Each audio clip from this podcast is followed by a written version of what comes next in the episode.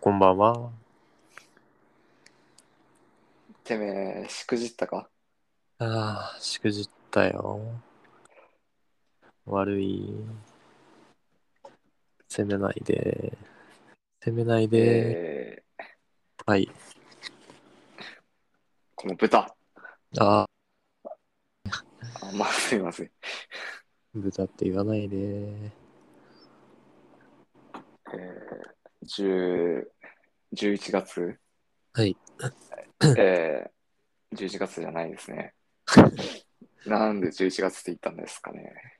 うん。頭ぶっ飛んでるね。ああ、ちょっと疲れちゃいましたね、今日。うん。何日ですか ?2 月24ですよ、今日は。そうですね。2月。重くそ2月。あはい。なんでしょう。昨日飲みすぎましたね。ああ、まあまあ飲んだよね。ワイン。うんワイン。うん。 1本かな。空いてたうん。あほぼワイン。の、ちょっと残ってたやつうん。と、1本新しいやつ。ああ、で、その、ちょっと残ってたぐらいの量が、うん。量しか今残ってないから。そはい。丸々1本ぐらい。ああ。飲んだね。気づい、気づいたら。うん。えー第75回の収録、うん。 74回目か、昨日は。そうですね。はい。盛り上げよう、盛り上げようとしすぎて、うん。えー二人で盛り上がってしまう。そうだよね。うん。う聞き返したらもうこんな感じだったね、完全に。うん。あの、喋ってる間はそれに気づけないよね。全然。気づけないですね。これ、いいもん取れてるだろう って。二人とも思い込んだよね。思い込んでたね。ね不思議なもんですね。うん。まあ、伝えたいことを伝えましょそうだね。うん。う。うん。割とちゃんと構成練ったはずなのに。うん。うん。にも、まあ、あれはあれで残しておくとして。うん。あれはあれでなんかまあ面白いよね。こう聞き返っ面白てい。。面白い我です々ねは面白い。うんえーまあ、まとめて話しますか。うん。忙しい人のためのはい。第74回、縮小版か。縮小版ですね。はい。えーということで、はいお。さらい。はい。まず、何でしたっけ 君、カタカタこいてる。うん。こう言ってませんよ。まさかね。まさかね。まさか。まあ、はい。ねこのラジオといえば。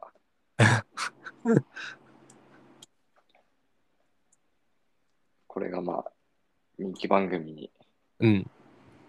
たらしめてるそはう。ゆえ。大きなね。うん。えーっと、何でしたっけ、最初は。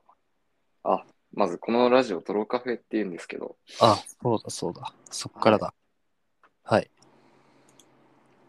あれか、なんでラジオを撮り始めたかっていうと、うん。まあ、我々、えーっと、私、ミキトゥール・ゴンゴと、うん。えー今、私、カーキマン。はい、はい。カキマン、はいでもう一人メインパーソナリティのうん。カラスさん、うんカラスカラスカラスさんか、そうだね。正しくは。正しくはね、うん。めんどくさいんでカラスって言っちゃってるけど、うん。まあ、その3人でよくスノーボードに行ってるんですけど、うん。えーカラスさんが川場、川場会でしたよね。そうですね。あはのい、時参加できなくて、うん。で、まあ、初めてだったもんだから、うんこ。の川場の楽しさをカラスさんに伝えようと。そうね。で、ただ伝えても、なんだし。ラジオ形式でお送りしちゃおうかっつって、うん。社内で撮り始めましたよね。それがきっかけですね。スノーボード行っ道た中。帰りに、はい。帰りの車の中かな。車の中で。うん。あーえー、まあこれが意外と楽しくて、そラジオやっちゃうなんて言って、う。うん。やったら気めっづいたら。たらうん、何人でしたっけリスナー。リスナーね。いやー、はい。思い返せば結構な道のりだったけど、今じゃもう6万5千人。行ったね。いやー、ずいぶんいったね。はい。うん6万5千人のリスナーを抱えるうん。人人気気番組に、そえーどっから来たんですかね、6万5千人も。う。いやー、まあ我々の人気のおかげじゃない ?6 万5千まうでん上り詰めたのは、それ以外にない、ないよ。まあ、そうとしか考えられないですよね。うん。間違いないな。はい。うん。で、まあ、ラジオ始めるにあたって、うん。名前を考えようと、うん。番組名を考えたわけなんですけど、はい。えーまあ、何か我々を表す単語、そう。はい。探していたところ、うん。あ、泥だ。そう。泥しかねえと。ふと降りてきたよね。降りてきたね。うん。えー知ってますかねリスナーの皆さん、泥の意味。いや、リスナーの皆さんじゃないよ。リスナーじゃないでしょえリスナーのことは何て呼ぶのああ。えー愚か者リスナーは愚か者って、愚か者だから。そうだね。うん、そう呼ぼう。うん。えートータルテンボスの抜き差しならないとのリスナーは、うん。抜き刺されああ、そうだね。うん。うん。うん。まあそんな感じで我々も、リスナーのことをちょっと故障、うん、すると、うん、まあ愚か者がぴったりかな。そうだね。えー泥の意味うん。調べてみると、うん。え3つあるみたいですね。はい。はい。えー丸1。はいえー。常に少しずつ流れていく時間と、常につきまとう少しの憂鬱。はい。あのえうーん、これが一つ目の意味。はい。うん。えー丸2。うんえー丸1をうん。傍らに置いたまま、うんえー実質の 1K に敷き詰められたフローリングから絶え間なく生じる引力に身を任せ、うんえーだらしなく横たわりただそこに存在し存在している様。ははいはい。あ。はいだはい。らしないです。うん。そういう様子。うん。えー、丸さん。はい。電源が入っていないテレビを焦点を合わせることなく眺める行為。あ、いやなんか、ずいぶん具体的なうん。例が出てきたね。はい。それを、それも一つの意味としてあうる。んうんこれらを泥っていうらしいです。えー、はい。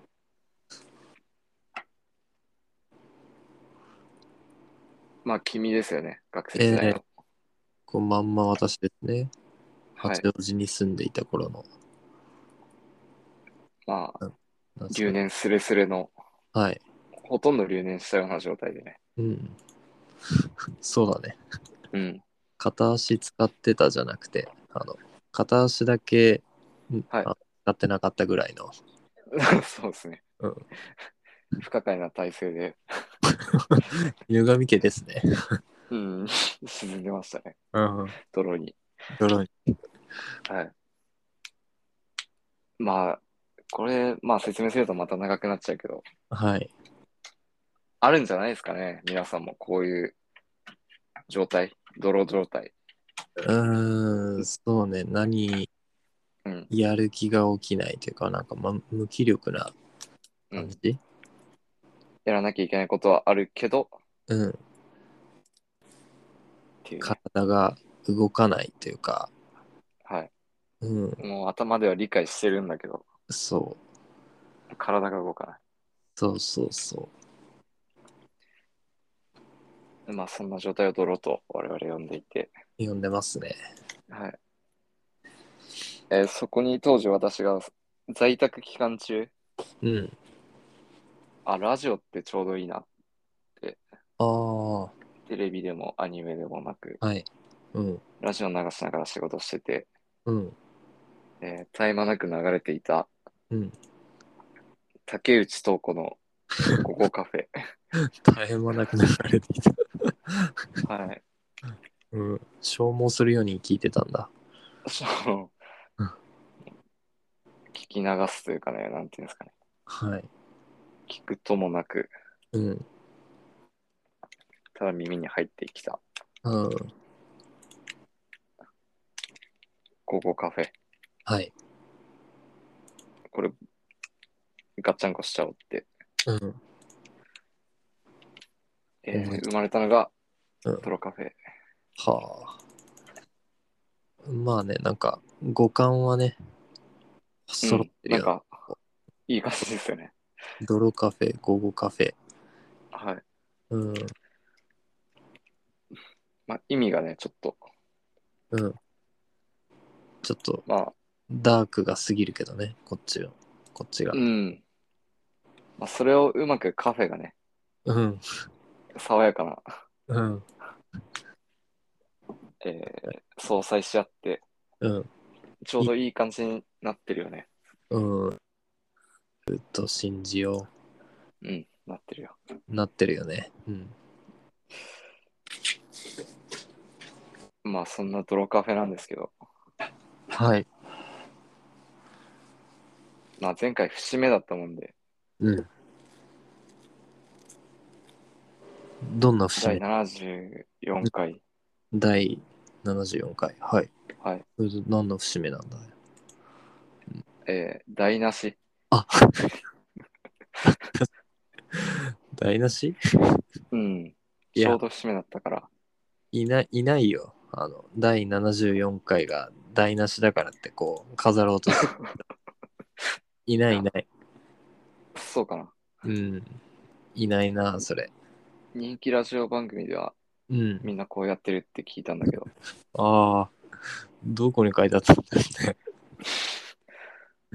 もう間違った情報だからね、それ。早めに忘れた方がいいと思いますけど。うん、すまあそこでうん。何ですかはい。あのまあ今まで74回も聞いてくれたうん。リスナーたちに対してもうん。けなげなリスナーだね。けなげだね愚か者たちにうん。まさしく愚かで すねうん。間違いなくうん。に対しても、はい。まあ、今回初めて聞いてくれた、うんまあこれも愚かですかなりはい。おろ、おじさんのうんうん。おじさんの世間話を ね世間話と思い出話うん。なんで付き合ってくれるんだろうね、こんなのに。不うん思議ですね。あ改めて自己紹介でもしちゃおうじゃないかなんてああ、なるほど。言って自己紹介のコうーん。ナあーでしたよね。あ、そうですね。はい。ってことで自己紹介もちょっとサクサク。ああ。やっちゃいあます。一回。うんじゃあ、うん。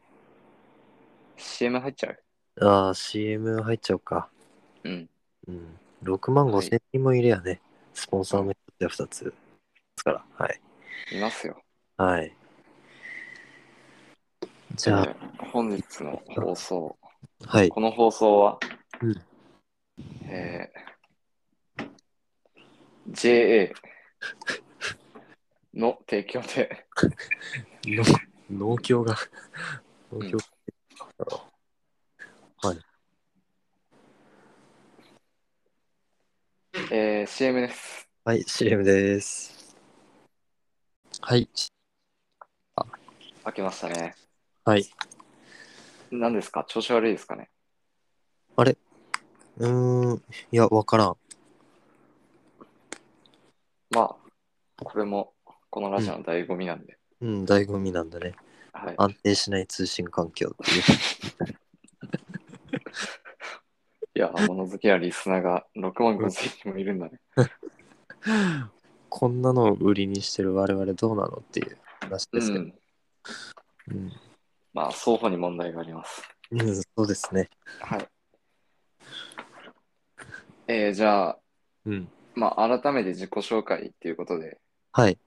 こう、初めましての方々にも、うん。 75回目の愚か者にも、はい。改めて自己紹介をしたいと思うんですけど、はい。えー、ちょっと自己紹介の方法を考えまして、はい。なんでしょあのー今、巷を賑わせているう。はい。マッツングアプリっつうんですかね。えマッツングアプリあーあんまりやらないから知らないんだけど、うん、マッツングアプリっていうのが田舎もオイラやっぱり。おいら、千葉出身だけど。地をつにするやつはね、一人称大体オイラって決まってるから。え、マッツングアプリあ、すすま、すまねえ、すまねえな。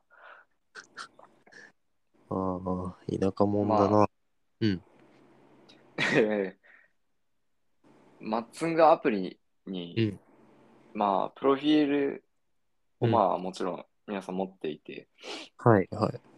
そこに自己紹介文を載せるんですよ。うん。載せるらしくて。はいはい。で、その自己紹介文を、まあ、異性に読んでもらって、はい。あー気が合いそうだなと思ったら、うんそこでマッツいいねを送って、はい。ああ、待つしちゃうあ、みたいまな、マッツじゃないか。はいはい。待つしちゃうんですけど、あ、マッツしちゃうんだね。はい。その風習に倣って、うん。まあ、自己紹介文を読み上げようと、はい。えー、おのの考えてきてるんで、うん。で、一回テンプレートを読み上げます。サクはッいと。お願いします。はい。えー、自己紹介文。はい。えーっと、なんて検索したんだっけな。テンプレートみたいな、モテるみたいなうん。男候補が性。出てきたんで、はい男性モテるでしたっけ、うん。えープロフィールをご覧いただきありがとうございます。はいはい。都内でエンジニアをしている〇〇と言います。うん職場で出会いがなく、真剣な出会いを求めて始めました。うんえー周りから言われる人柄、はい優しい、穏やか、はい真面目、誠実、はい今までで、えー怒った記憶がないぐらい温厚です。おー仕事、はい都内の IT 企業でエンジニアをしています。はえー好きなこと、あ。うん。スポーツ、スポーツ全般得意です。うん。バスケは中高6年間やっていました。うん、びっくりマーク。はい。えーお笑い。はい。特に〇〇さんが好きです。うんえー。カフェ。はいスタバに週5回くらい行っています。えーおすすめのカスタムがあれば教えてほしいです。びっくり。はいはいはい。えー恋愛に対する価値観。はい。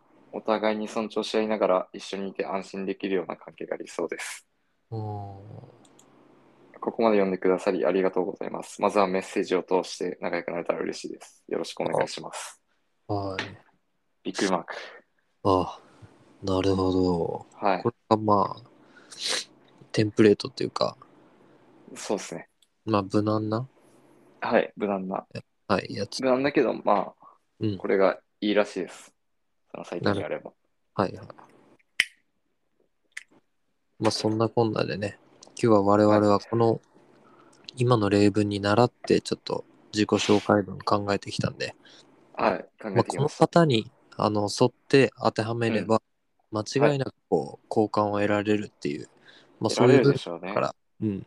はいはいだから絶対いい文章になってるはずなんだよ。うんこれ、人柄とかも分かるし、伝わるし、趣味も分かるし、うん。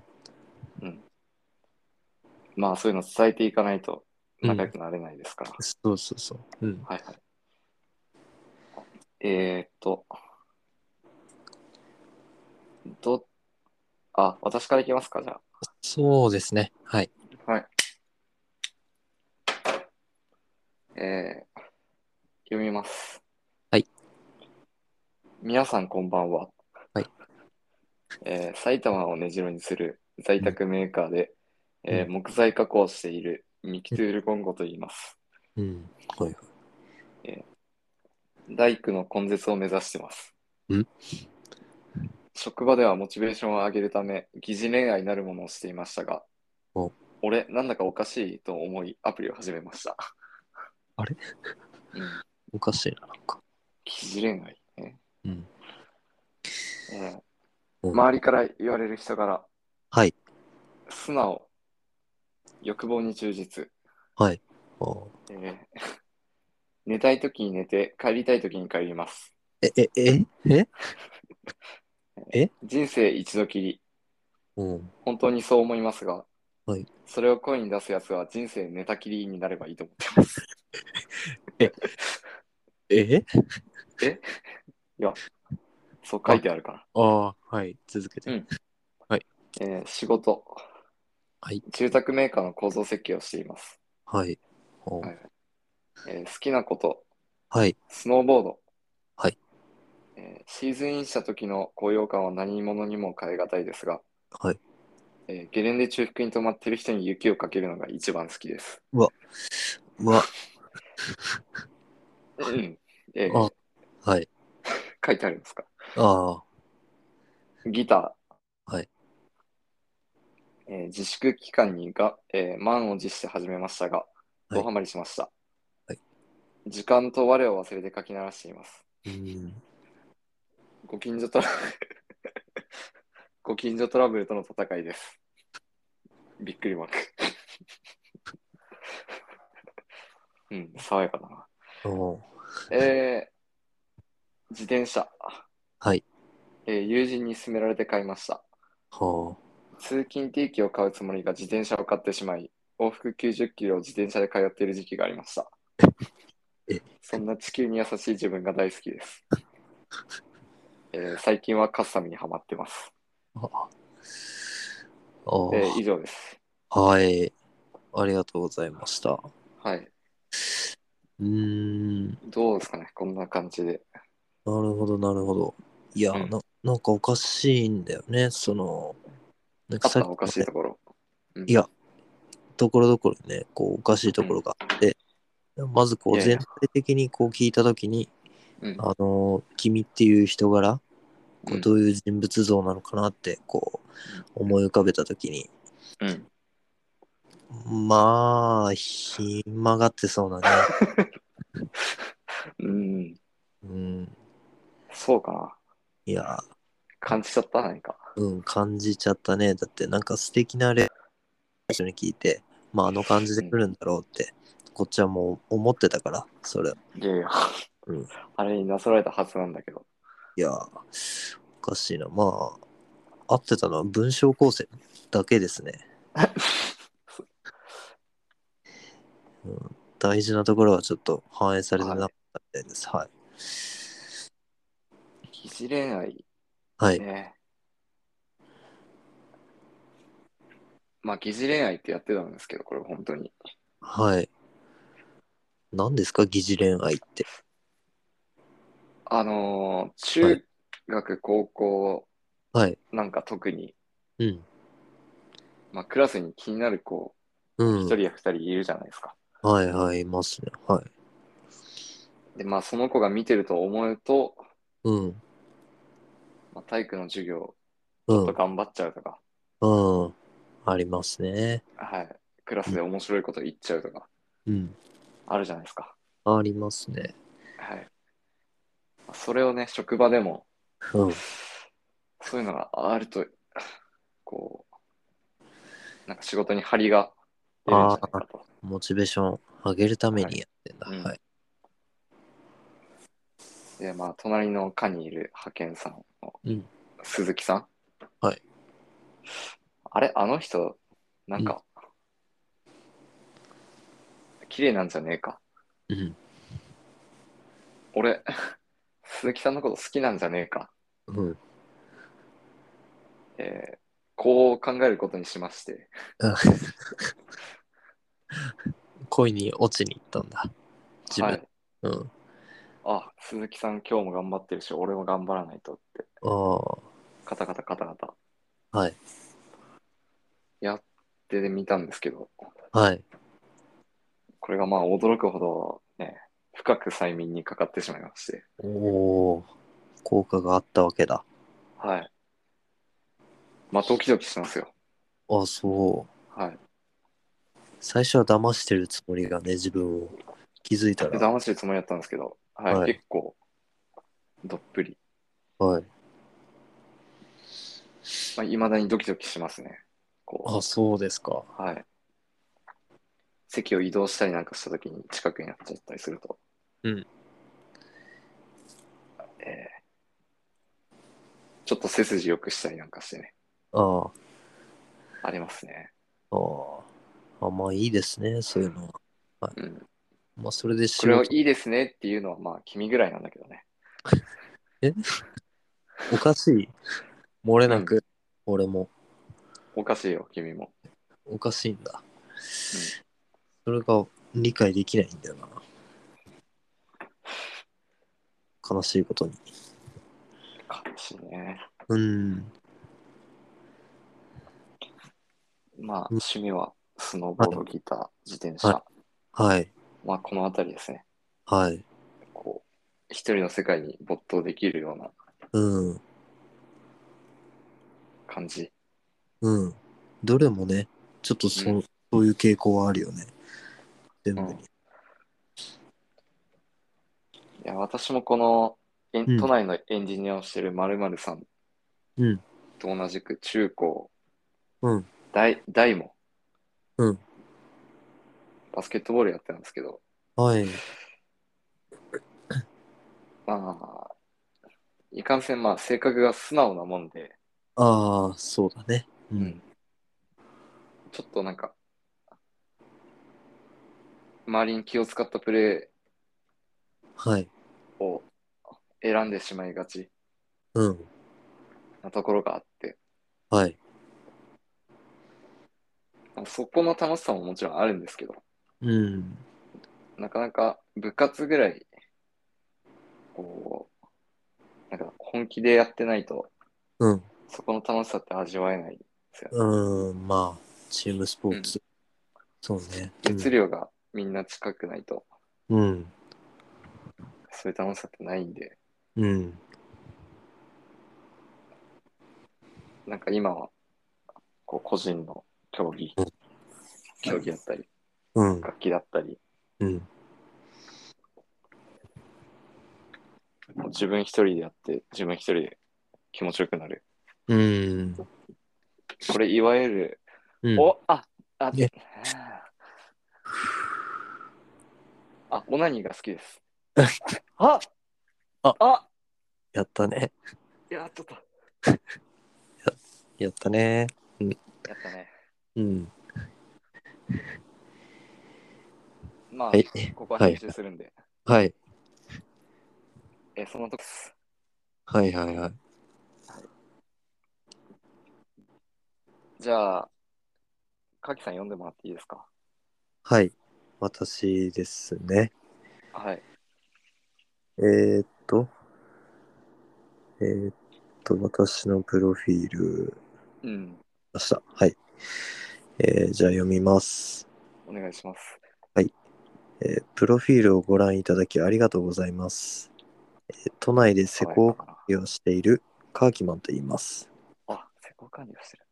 うん職場では馬車馬のように働き、ビールは決して日の差さない自室の窓から隣のビールの外壁を眺める人たち肌がカキ色に変色してきたため、このままではまずいと思い立ち、真剣な出会いを求めて始めました。えー、はい。手遅れです。えー周りから言われる人柄、はい。好戦的、ああ、戦いを好むと。 えー生まれつき人より力が強く、街で強そうなやつを見ると、戦ってみたい衝動を抑えられます。まずいな。えー偏食、はい平日は朝昼晩パン粉を食べてい ますやばい。独自に趣向に限らず偏りが大きいですうん。大きすぎるね。パン粉を食べるんだ。えー仕事はい。平日は主に都内で施工管理、えーはい休日は埼玉で低賃金の肉体労働をしていられていますうん。不憫だな。えー好きなこと。えーまず一つが、えーはいはいスノーボードと自転車、はい。えー生まれつき人より速く、人よりスピードを出すことが好きですが、うん雪をかけられることも大好きです。うん、ぴったりなやつがいそうだな。えー次です。はい。えー服、えーファッションね。はいえー、カーキ色の服をたくさん持っています。はい。はい、えー次ですね。はいえー DIY、はいえー最近はステッカー作りにはまり、うん。週末は全身にステッカーを貼り、渋谷の女子中高生に、どれが欲しいと尋ねて歩いています。うん。捕まっちゃうね。 間違いなく。え話ーだよ。恋愛に対する価値観、あ、はいはい。えー髪が金髪で、肌がカーキ色の女性が好きです。うん。いるかな。ゴブリンかな。えーここまで読んでくださりありがとうございます。あまずは戦いを通して仲良くなってほしいです。よろしくお願いします。ああ、そうですか。いやー、こえれが私、こ俺、うん、分かってもらえたかな。いやー、 分かってもらえるかな。うん。変じゃないいえ、そう、そうん、すごく変。ううん。すごく変というか、うんうん。なんだか変だな。あ、出た出た出た出た。なんだか、君変だよ。なんだか変っていう、なんだか変っていう、この罵り方。これね、これ絶妙なんですよ。これだ から、うん。お前すなごなくんだかね。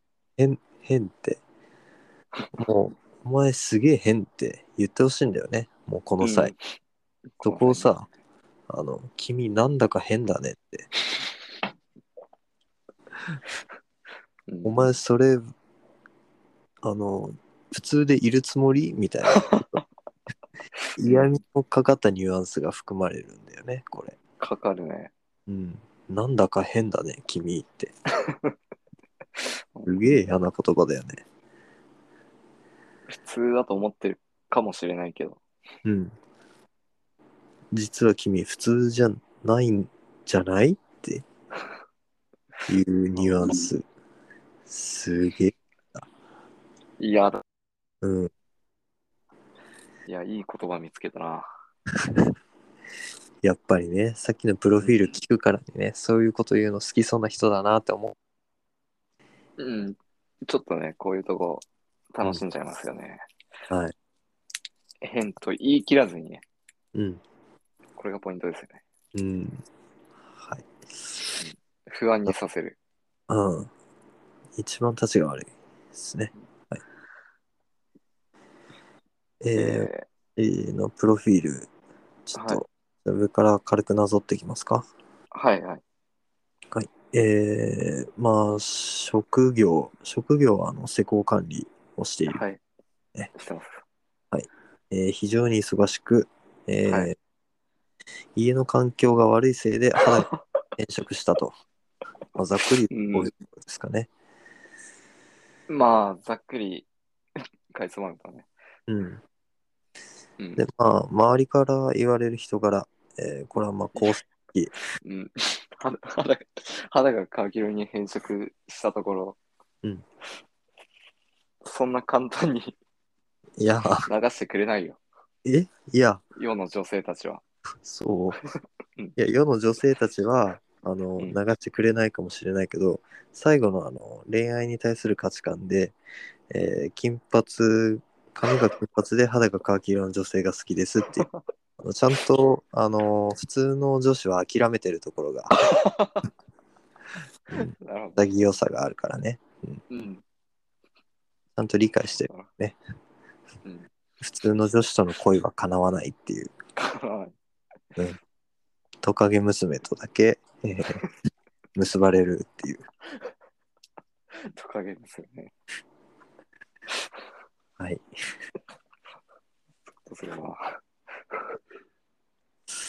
周りから言われる人柄いきますね。はい。えー、好戦的。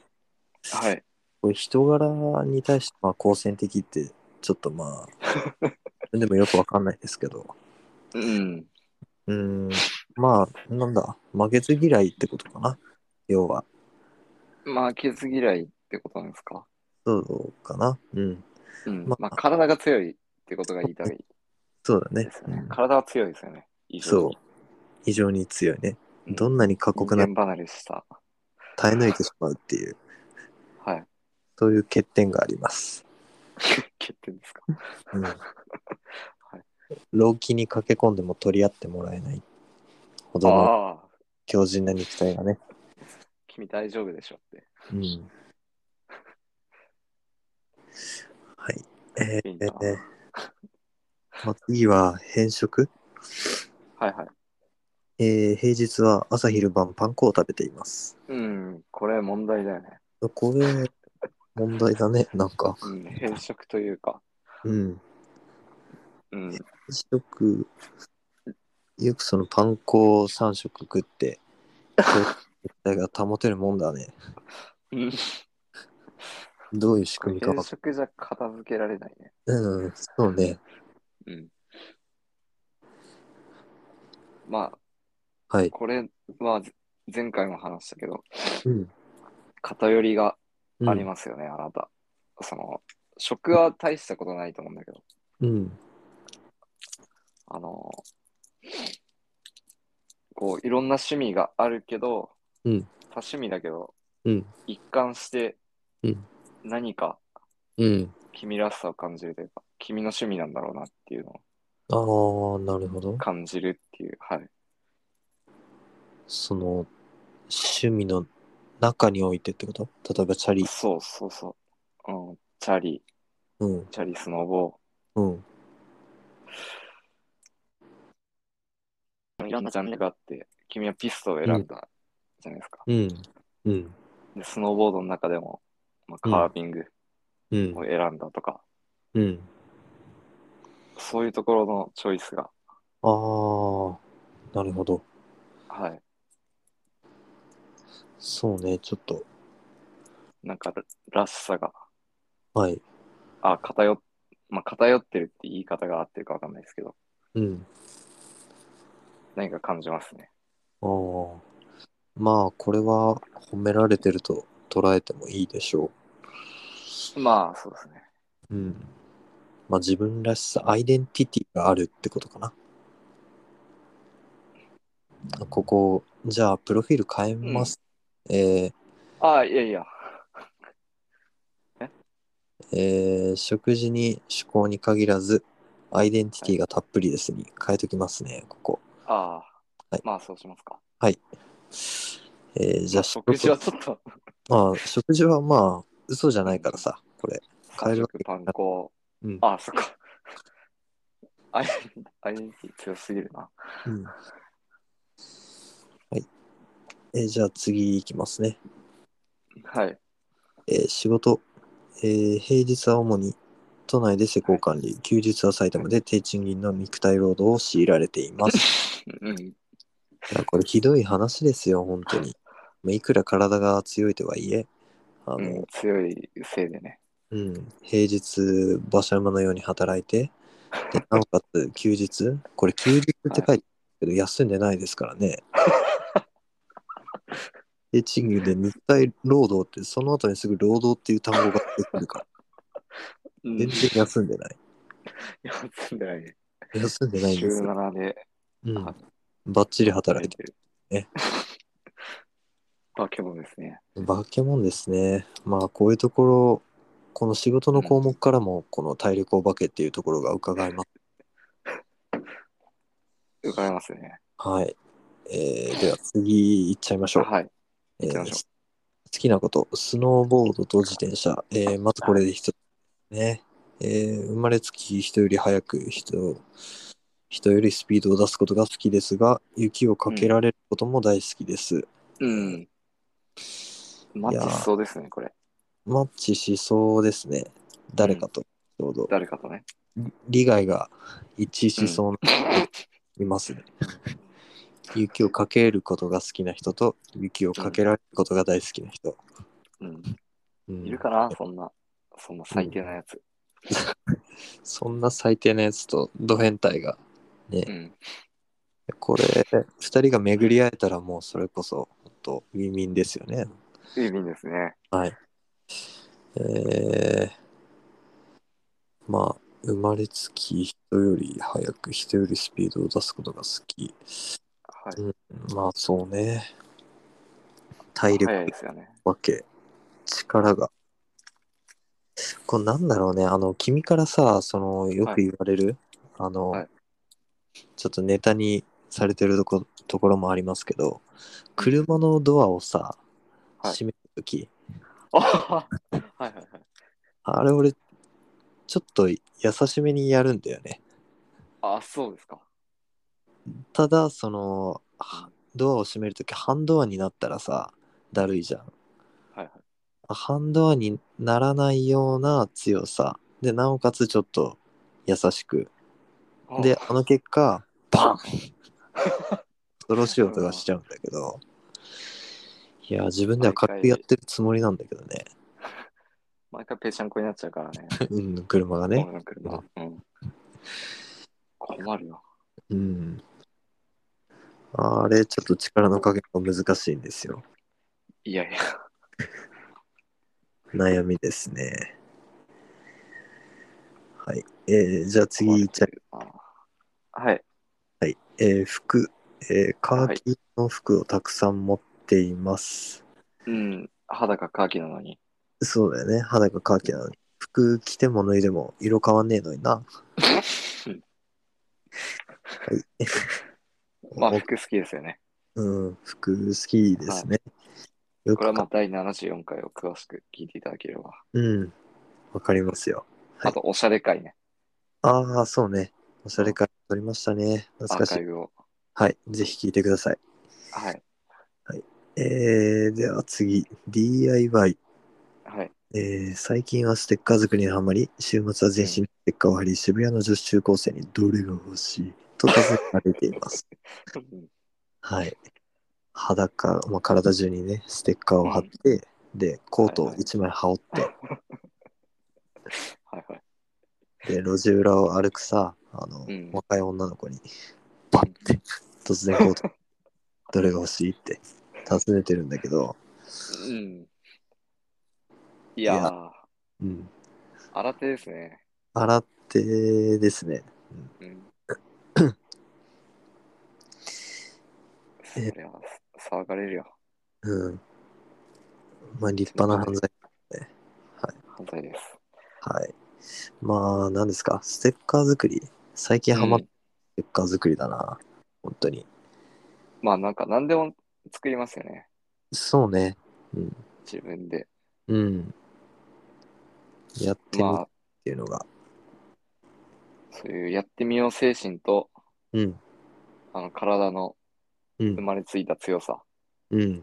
これがあだとなって、週末埼玉でうん。肉体労働を強いられてるんだけど、うん。そうね。うん。いろいろ作ってもらいましたからね、家具も。はい。いや、いろいろ作りましたね。楽しかっ作りましたね。本当にはい。ままたた作ってほしいものあるんで、た。はい。聞いてますよ。伺ってますよ。やりましょはい。はいえーで、恋愛に対する価値観は、えー髪が金髪で肌がカーキ色の女性が好きと、う。うん。えーまあ、いちょるっとかこな。の際、あのカーキ色は置いといて、えーはいはい。結構金髪、派手髪がなんか僕好きなんですよね。派手う。髪っていうん色を、なんだろう、抜いてる、ブリーチしてるはいはい。ような髪、であ、はそ人あが、は肌白くて、あ、でもごめんなさい、肌カーキで、う。あ、はいはい。えー髪がまあ金髪髪が明るいうん。が結構好きっすね。なるほど。うん。金髪が似合う人が、あいあ、やそうだね。うん。なるほチどッチの金髪、可愛な。やかっばたかっっす。たね。まあ、ああいう感じ。はいはい。透明感うん、透明感の極み。ですね。まあ、ああいう感じが好きです。はい。はい。えー、まあ、こんなとこですかこんなとこですかね。アーキマンという人間は。はい。知ってもらえたんじゃないですか。うん、だいぶね、うんリスナーとの距離もさらに縮まった。うん。あ都市で、えー対戦できる距離までね、いや、 戦いがし趣旨なの。うん、戦いが趣旨。戦う相手を、うん、強いやつを見つけることが。そうそうそれマッチングアプリじゃないよ。マッチングってその、あれじゃ、対戦のことではないのああ、 そのマッチじゃないから。あ、違うんだ。うん。あの試合ですか、戦い、うん。うん、そのマッチじゃない。あ、違うんだ。うん。いやー、うってつけだと思ったんだけどな。うん、そんな君向けのアプリないから。ああ、そ残念ながら。う。うーん。いや、ちょっと残念ですね。かわいそうだけど。はい。えーまあちょっと自己紹介はこんなとこですかこんなとこですか。うん。えー、じゃあ次のコーナーに移っちゃいましょ映っちゃいますか。う。はい。あ、その前に。はい。えー、一旦。はい。タバコ休憩です。はい。タバコ休憩ですね。はい。えー、タバコ休憩、絶賛タバコ休憩中ですけ ど、このままいっちゃいましょうか。行っちゃいましょうか。はい。これ、醍醐味ですから。はい。えー、じゃあ、うん。一応か、当ラジオの人気コーナ人気コーナーー。はい。みんな待ってるもしかして。ゲレンデ、うん紹介しちゃいなよ。ほら、あ、はい。のコーナーです。はい。 ホラ、まあがタイトルかな。あ、もちろん。ちょっとあ煽りがついたタイトルですね。煽りつけよね。はい。これ言われると焦るから、みんな。うん。だからうん、これが楽しくて。いやー、曲がってるな。 はい。えー、今回のご紹介する芸人でどこですかはい、えー、ルート回します。はい、お願いします。あ、あ、あ、あ、あ、あ、あ、あ、あ、出ました。。出ました。はいはい。えー、神夏スノーリゾート。おー、KSR ですね。はい、はい。ここです。はい。えー、行きましたね、先週。先週行きまし記た憶ね。に新しい。はい。楽しかったですね。楽しかったですね。うん。安定した楽しさがはい。ある上に、前回はさらにちょっと踏み込んだはいは遊いび方もできましたし。できましたね。うん。なんか今雪やばいらしいから、ちょっと今週うんワンチャンあるかもうな。んあーあー、いいもでしかしすたねら。。ううんん。えーじゃあ、まあ、早速いっちゃおうか。はい。えーっと、何を説明しようっつったっけ、まずは、コース紹介でしたっけあ、思い出あ、思い出。思い出からいっちゃ思い出はね、う。うん。まああれですよね。うん。えー大丈夫事件。ああ、ありましたね。大丈夫事件。大丈夫事件ありました。はい。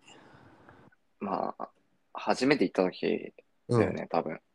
そうだね。ナイターだったよ、あの時。そう、ナイターが長いゲレンデがあるから行ってみようっつって。う。うん。行ってみたら、まあ気持ちよくて。うん。で、雪もこう滑りやすいんですよね。ナイタうんーの雪質が。そうだね。うん。板は走るし、うんある程度立つし、うん。舞い上げられるし。うんまあなんか不思議な雪質なんですけど、そこで、うんまあ、いきり散らかした、うんまあ、我々の、はい。はい、メインパーソナリティの一人、カラス、カラス、カラスさん。うん。で彼がまあ、まあ、生きって、まあ、あれはナイターに当てられたという。まあ、我々も他ではないですけど。もちろん、うん。まあみんな、おのおの生きってましたよね。そうそうそう。うん。で、GoPro なんかを回しちゃって、うん。えーあれは楽しかったね。はい、うん。あ俺、リバースサンできるわって言ってました。あ、カラスさんあがね。あ、はいはいはうい。ん言ってたな。まあ、お祈りしましたよ。うん。えー、確か、はい。ヒールターンうん。で、切り上がって、そこからリバース、あザーッと、後ろ向きで戻って、あ、うん。ザッと板を戻して、うん。かっこいい雪が舞い上がって、うん。いや、まあ、かっおこよおかったですよ。はい。おおすげえ、うん。と思ったいや、さき。矢先、はい。えー、痛いけな女の子がね、はい。近くにいこたのんで。葉ですうん。ずるずる滑ってました、近くを。はい。まあ、気づかなかったんでしょう。リリバースターンして。そうですね。うん。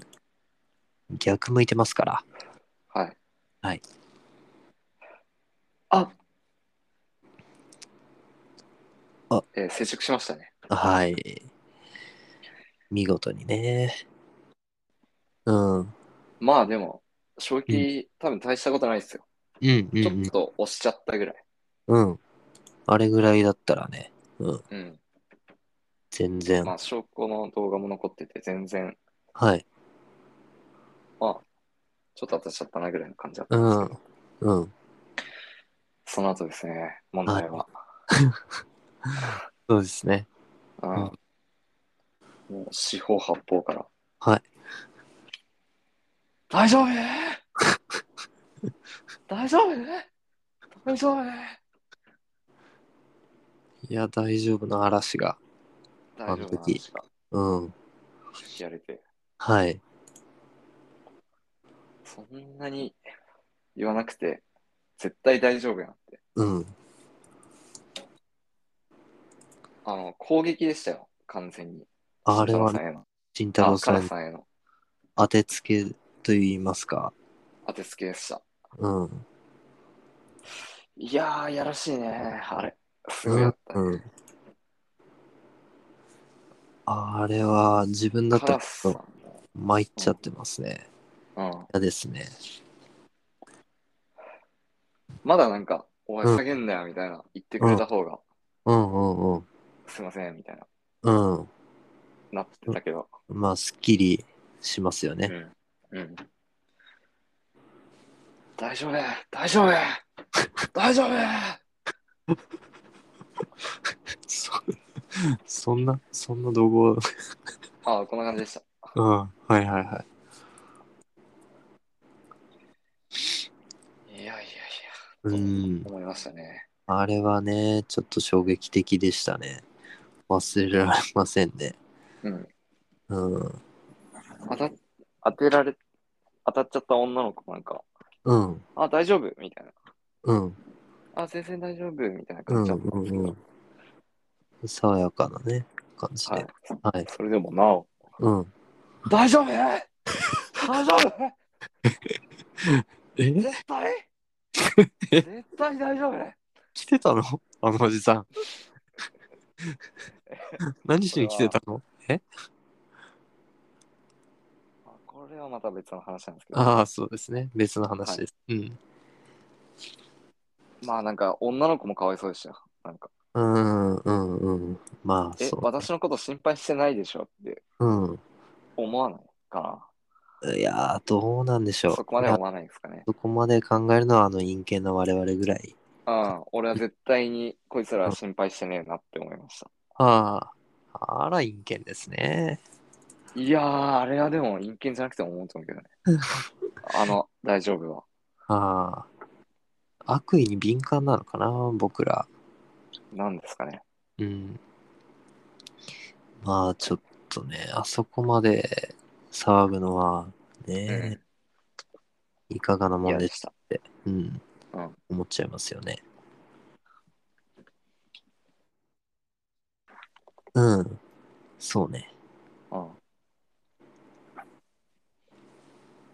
大丈夫じゃなかったらさ、そんな遠くから大丈夫って叫ばれて、うん、大丈夫ってす えあの、アンサうーでん、きないからさ、うん、うん、うん、仮に大丈夫じゃなかったらね、うん、まあ心配してねえんだろうなって思ったけど、まあこんな陰険な話は、まあこの辺にしときましょう。ごめんなさい。はい。そうですね。はい。えー、ありますか思い出。まあそれが思い一番強烈。いや個人的な思い出としては、あの、はいはい。僕、寒夏でゴーグルをなくした、あうん、あ、はいはい。あったで、ねゴーグルがもうなくなって、もううんすげえ泣いてたんですよ。なんかね、滑りも調子悪いっつって。そう、滑りも調子悪よいい。しゴょーグルもなんか、いや、あそこら辺で落としたはずなんだけど、何度こう、リフト回っても、その場所にないです。その時たどはっいはい。えーもうずっと下見ながら滑ってても全然見つからない。で、まはあ、いはい落とし物で、あの、こういうの、こういうゴーグルだったんですけど、はいはい届いてませんかってこう、うんうん問い合わせに行ったんですよね。うんでね、そしたら、あのまあ、ゴンコさんゴンコはさいん、はい。ゴンゴさんがね。。うん、背中の方についてきてね、なんかニヤニヤしてるんですよ ねえうん、うんゴーグルがね、なんか、あの、僕のウェアのフードの中に入ってて、あはいはい。あれ、なんですかこけた衝撃で後ろに外れて、フードの中に入ったんですかね。多分。そうかな。うん。うん。フードと一緒に外れたのかもしれないな。ああ、かもしんないね。うん、かぶってたフードと一緒に。うん。で、それでね、散々騒いでましたけどね。ねえねえ、ゴーグルねえって。フードうのん、なんか中。リフトで、ううんん、ふと気づいてね、うん。背中を、うん肩か、肩をポンポンと叩いて、うん。気にすんなよ。うん。元気出せよ。なあ。なんて、柄にもなくね。うん。いや、柄にもないもんだから、あの、一瞬で気づいて。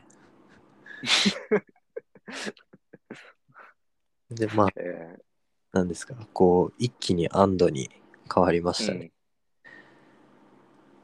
きいつやかっ、たったね。よかったね。よかったっすね。はい。はい。懐かしいっす。懐かしい思い出。はい。じゃあ、講師紹介、コース紹介しちゃいますか。うんしましょう。まず、あーゲレについて、ついて。はい。はい。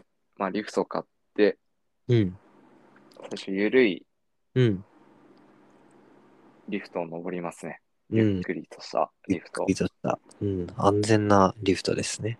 嬉安しい。全ですね。はい。まあ、それを登って、登って、うん。ちょっと下って、また登って、そうてね。いうリフトですよね。うん。リフトのルートがそういう感じだよね。そうそうそう。うん。策動。うん。まあ、それを、まずは降りて、うん。でまあそこからまあ緩い初心者のコースがあるけど、まあそっちにはまあ行かずに、いい次かの、リフトを目指すと。そまあ、直接ね、そのまま。う。うん。特に、まそあう別にえ何まあもないし、うん。リフト降りて、で、うまんあ、あの、次のリフトを目指さず左に折れてね。に、あの、まっすぐ進あ、む。いやいや、ひえあ、いや、 だから、左に折れて、まっすぐ。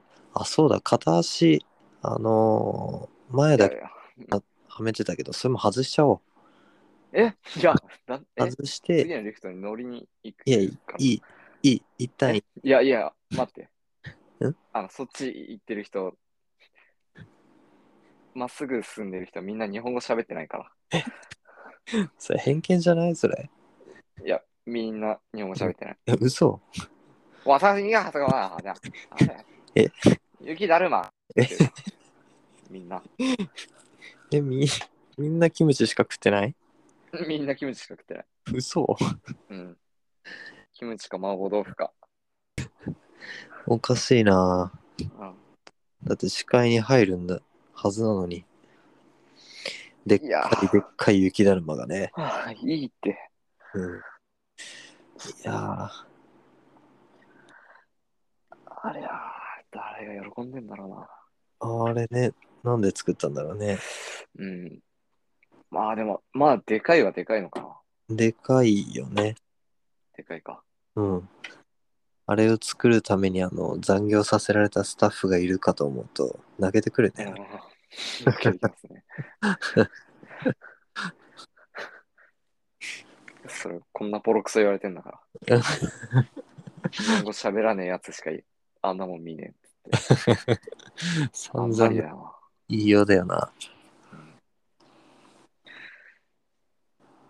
うんまあ、じゃあ次のリフト乗って、はい。それガンガン登っていきますよね。う構いん。いペースそのねまま上まで行っちゃうよね。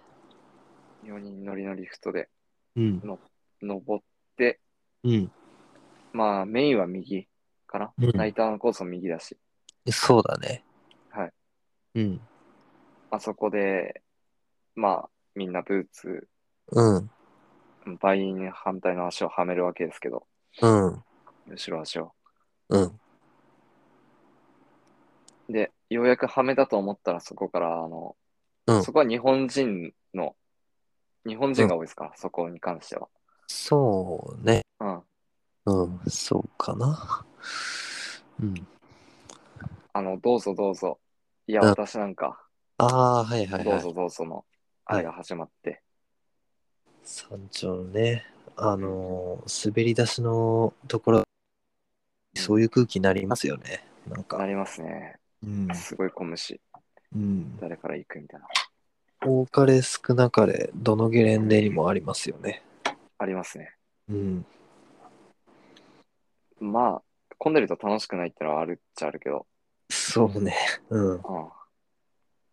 と、せなら、人が少ないタイミングで滑り出したいのはあるけど、うん。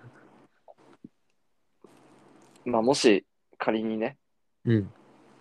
4、5人で一緒に行くとしたら、うん。まあ、みんな板履いたらもうん。うすぐ出発しちゃっていいんじゃないかそうだね。な。うん。そのこないださマッチさんたちと滑ったじゃん、うん、それが徹底されてたよねなんかああ、そうだね。うん5別に待っ人てなかったよね。とみんな俺らが俺らがちょっと遅いからさ、つけるの、うん俺らがつけたのを確認したら滑り出すっていうはい。あれが徹底されてたななんかうん。はいそれがいいですよ。たくさん滑るし。そうですねバインつけるスピードとうまさは比例するって、うんなんかどっかのプロスノーボーダーが言ってたな。あそうん。ああ、そうなんだと思ったけど。うあーなるほどって感じでできす。るのが、うん、うん早ければ上手くなるし、うん。まあ、たくさんつけてればつけるのも早くなるし、そうだねうん。言われてみればそうですね。あながち間違い。うん。まあ、もし次行く機会があれば、はいちょっとそあれればね意識してやってみますか。やってみましょうん。で、コースはどんな感じなんでしたっけう。コースはまあ、最初、うん。まあ、ゆるいうん。バーンというか、まあ、太い廊下みたいなところを進んで、うん。たまに壁が現れたりして、うん。両コース脇のそのそ反り立った壁、うん。あそこでちょろちょろ遊んだり、うん。あとはまあ、ちっちゃいウェーブがう2、ん3個ありましたっけ、ありますね。うん。はい。あそこで、うん。まあ、ふわっと、うん。体を宙に浮かせちゃったりなんかしてね。浮かしちゃったりなんかしてもよし、ん。うん。あと、あれですよね、昨日言い忘れたけど、その、うん。ウェーブのレール。中間ぐらいうん。から右に曲がると、うん。スラローム、バンクドスラローム。はい。スラロームありましたね。あれ楽しいよね。めっちゃ楽しかったわ、あれ。うん。 うん。俺はドハマりしてたわ。うん。いや、お俺もよかった。うん。よよかったよね、あれ。うん。気持ちいい。うん。壁に沿わせる感じ。そうそうそうそううん。なんかもう、あれ、Wii スポーツやってる気持ちだったわ。あそうですか。 はい。現代っ子だな。うん。Wii スポーツやった気持ちになったね。うんうん。まあ、やったことないんですけどね、Wii スポーツ。あ、え、あえ なんだてめえ。ごめんなさい、ちょっと予想で物を言っちゃいましたね。うん。クソガキだな。クソガキでした。はい。まあ、スラロームもちょうっとん、機会があればそうやっね。てみてうん。ほしいですね。はい。あとはメインバーン。うん。あれは楽しいですよ。広くて。広いようね。ん。横に広い。そう、神達のバーンは。はい。右板も走る。うん。うん、ワックス塗れれば塗りたいけど、そうだね。うん。ちょっとタイミングあるかわかんない。うん。まあ、簡易ワックスでもいいか。最悪うん。そうね。うんいやまあーすっ飛ばして、うん。えー、カーミングターンなんかしちゃって、うん。いいですね。リバースターンもしちゃってね、うん。それはやめといた方がいいんじゃない痛いけな女の子にぶつかっちゃって、うん。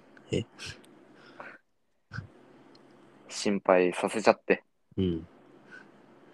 心配はしてないですから、うん、あれは。あれは心配じゃないですね。そんはいなゲレンデです。はい。あれこれ大丈夫かああ、このなマ伝えイらナれス。た今のはマイナスです。まあ、ナイター綺麗なんで、そうですね。あの、ライトがぜいい感じです。はい。ひいい感じです。うん。まあ、あと、いければ、あの、前回トライした、ミルキーウェイ、はい。あれ、上級って言ったけど、コース自体はそんな急じゃないよね。ちょっと狭いけど。そうだね。うん。確かに落ちたらやばいけそうど、落ちたらやばいけど、でもあんなゲレンデ他にもたくさんあるもんね。いくらでもあるね。うん。あれぐらいのなんか、迂回コースっつって、うん。クソ急斜面の脇にあるうん。初心者はこちらみたいな、うん。あんなとこいくらでも通されるよ。うん。まあ、全然いけるうん。ところだし、うん。まあ、パウダー、冷やせつとか滑られたら、うん。滑りたいですね、また。ねうん雪に期待ですね。行きたいですね。はい。あとは何でしたっけえっ、と、交渉か。あ、そう。ゲレンデ設備。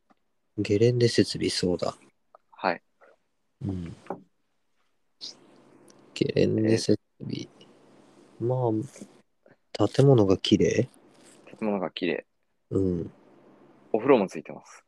そうね。風呂もついてる。えでーっと、クレ最ープ後、も食べられます。ああ、そうか。クレープも食べられる。うんうん。で、災害時に集合もできる。集合もできるね。うん。避難できます。避難もできる。避難所付きなんで、避難所ついてますからね。あの、異様な光景を見てもらいたいね。うん。初めて行ったうん。皆さんには。うん。いやー、なかなかないっすよ。あの、劣悪な環境。あれね、なんかちょっと不思議でしたね。面白かったですね。体育館みたいな、定期空間で、うん。一人用のテントがポツンと張られて、うん。もう寝返り、寝返りどころか、身動きすら許されないような、うん。細いマットレスあったな敷かれて、うぁんうん。そこでただ、ただじっと、朝を待つっていう。暖。まあ毛布があるから、うん。とりあえず、とりあえず寝れるスペース寝がれる。される、されてるって感じだね。うん。くったくたに疲れ切ってないと寝れねえわ。そうね。まあ俺は図太いから、あれ全然いけちゃうけど。うん。寝つけなかったな、俺は。。あ、そううん俺は、慎太郎なんかマジで寝れねえからな。あ、そう。慎太郎さん結構繊細繊細ですよ。 あ、そう。うんあ、この間なんか俺ん家に泊まった時、もう諦めたって言ってたもんね。ああ、言ってた。うん。寝ることは諦めたって。ああ、そうですか。うん。そっからスノーボード行ったんですか、彼。ってことになりますね。ああ。大変だな。大変だな。つうんぐとさね、欲しいね。うんまあ疲れるのが一番かな。そうね。とりあえず寝るには。あん使って。うん。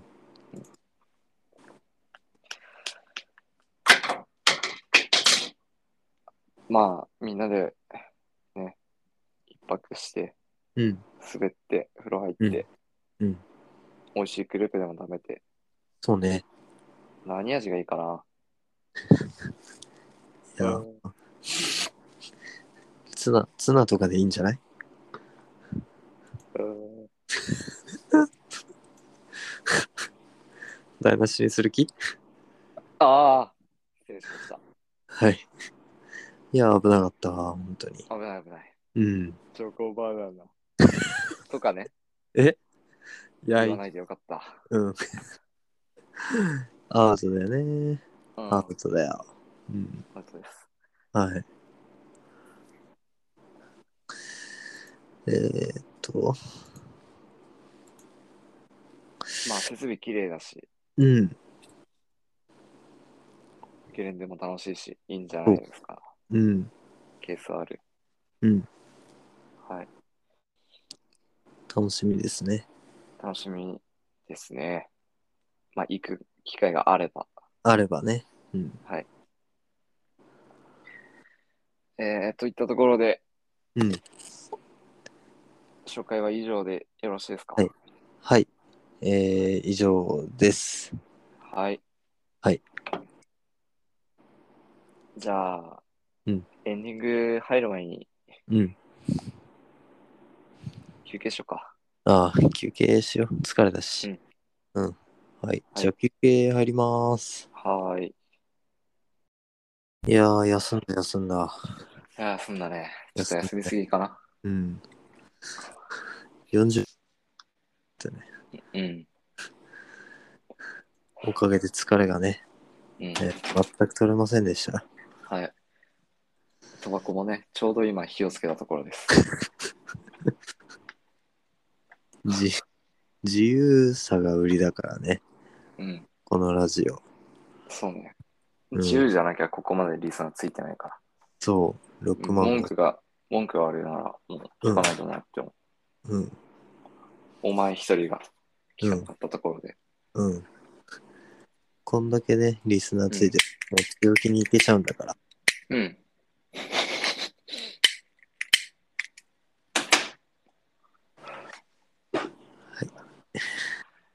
えー、え、エンディングうん、エンディング。どうですかね忙しい人のためとはいえ、また1時間超えちゃいましたけど。もうね、うん、まあ30分いかないぐらいちゃちゃっとなんか適当なことを喋った。それで締めればいいんじゃないああ、そうするうん、そうしちゃおう。いや、もうこのタバコ吸い終わるまででいいんじゃない、うんああ、そうっすか。あはあ吸い終わったあ。いやー、いや、まだ。あ、ま、まだか。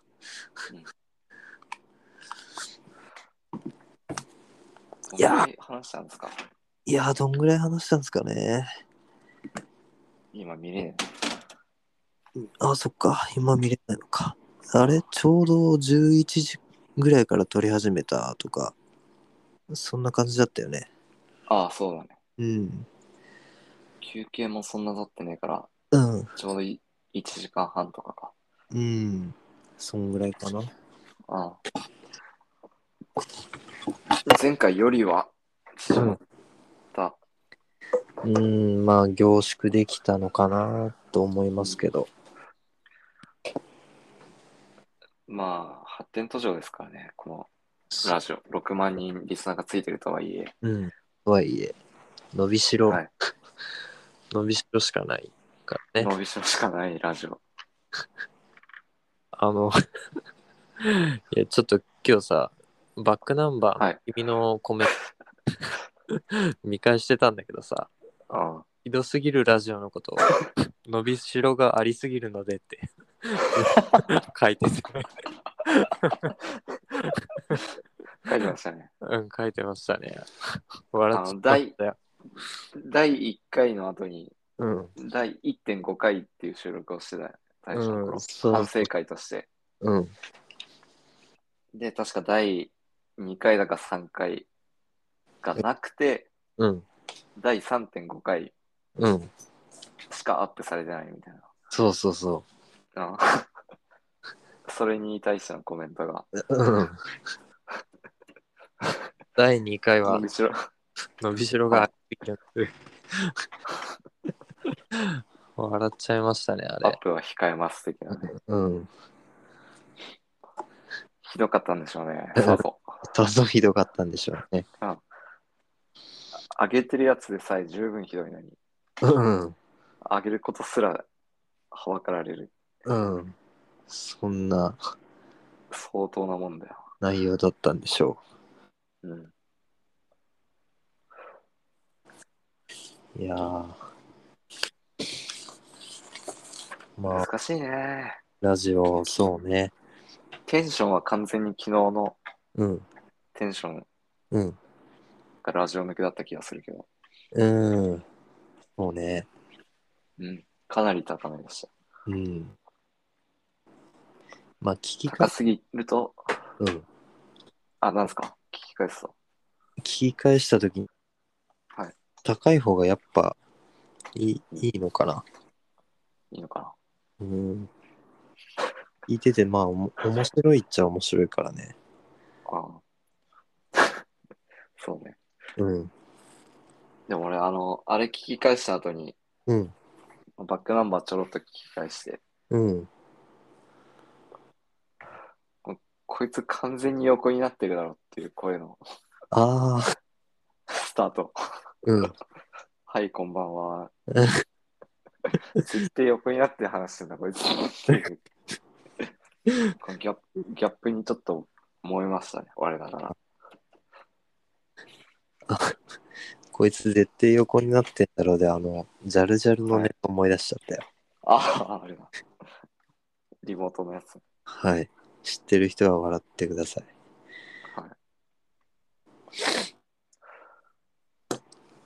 リ妹のね。いやあー、カラスさん、うん。面白いって言ってたな、昨日の第74回。ああ、嬉しいですよね。その言葉嬉しいがもらえると。ちょっとあし、オープニングが最高でしたよ。ああ、そうね。 あー曲だけでなんであの面白いんでしょうね。やっぱ選曲が選曲がないです。ナイスでしたね。うん。俺がオレンジレンジとかどうん。思いっきりネタ、うあネタだったね。粋な太陽にしよっか。うん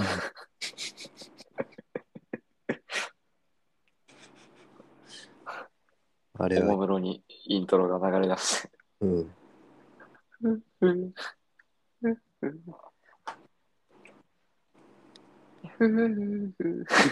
いけないみたい。はい、こんばんは。そりゃあね、あのテンションでい出ていくしかないよ ね。いい太陽なんか出してるから。あああれ、ちょっと BGM、うん。あれだな、スピーカーとマイクが近すぎたああ、いいのかそなれは、な。で、俺らが遠かった。ああ、そう。あ音の、楽の方がはっきりし聞こえてた感じがした。うん。でもまあ、イヤホンで聞く分には、そんなに悪い感じはしなかったけど。あ、本当。うん。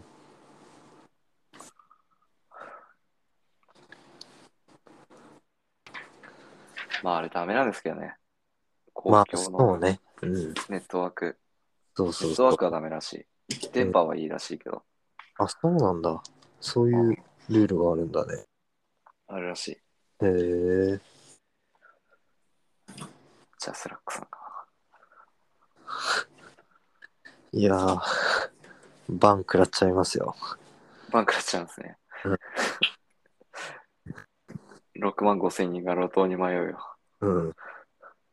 わい、うん。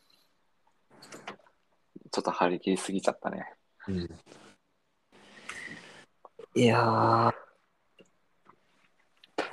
あもう、帰りたいな。はい、あ、そっか。はい。見れ出ば。張中でしたね。仕事があ終わんないっすね、なんだか。ああうん。じゃあ、いこっからやっちゃおうか。いつもの。えいつもの仕事の話。あ。話うん。おういやいや、もうこれやったらお、うん。前回の長さ超えちゃうから、うん。余裕で。台無しになりますからね。いやあこんなとこっすか。うーん、タバまコ吸い終わりました。あ。あ、本当ですか。私もと言われましたよ。一旦お、お開きですかね。はい。まあ、その前にちょっと、一つみん,、はいなに謝んなきゃいけない。うん。えーまあ、このラジオ、えー実を言うとね、えーリスナーいません。え うん、散々6万5千人とか言ってきたけどさ、実はね、えリスナーが一人もいないんだよね。誰も聞いてない。だからこんな好き勝手できる し、もう、ねやりたい放題ですよ。えういやん、ー騙されたな。うん。これだけは最後謝っておかないとと思って。完全に騙されてたよ。うん。みんなびっくりでしょうね。っていう、まあみんなもいないんですけど。そうでした。はい。安み心んでな。賢いな。うん。愚かなやつはいなかった。いなかった。うんそれがね、嬉しいよね。我々は。うん、よかったよ。よかった。愚かなやついなくて。みんな平和だった。うん。えー、じゃあまあ今日はこんなとこ。こんなところにしましょはい。う。では、はい。えー、おお疲れ様でした。お疲れ様でした。またラジー。またラジ。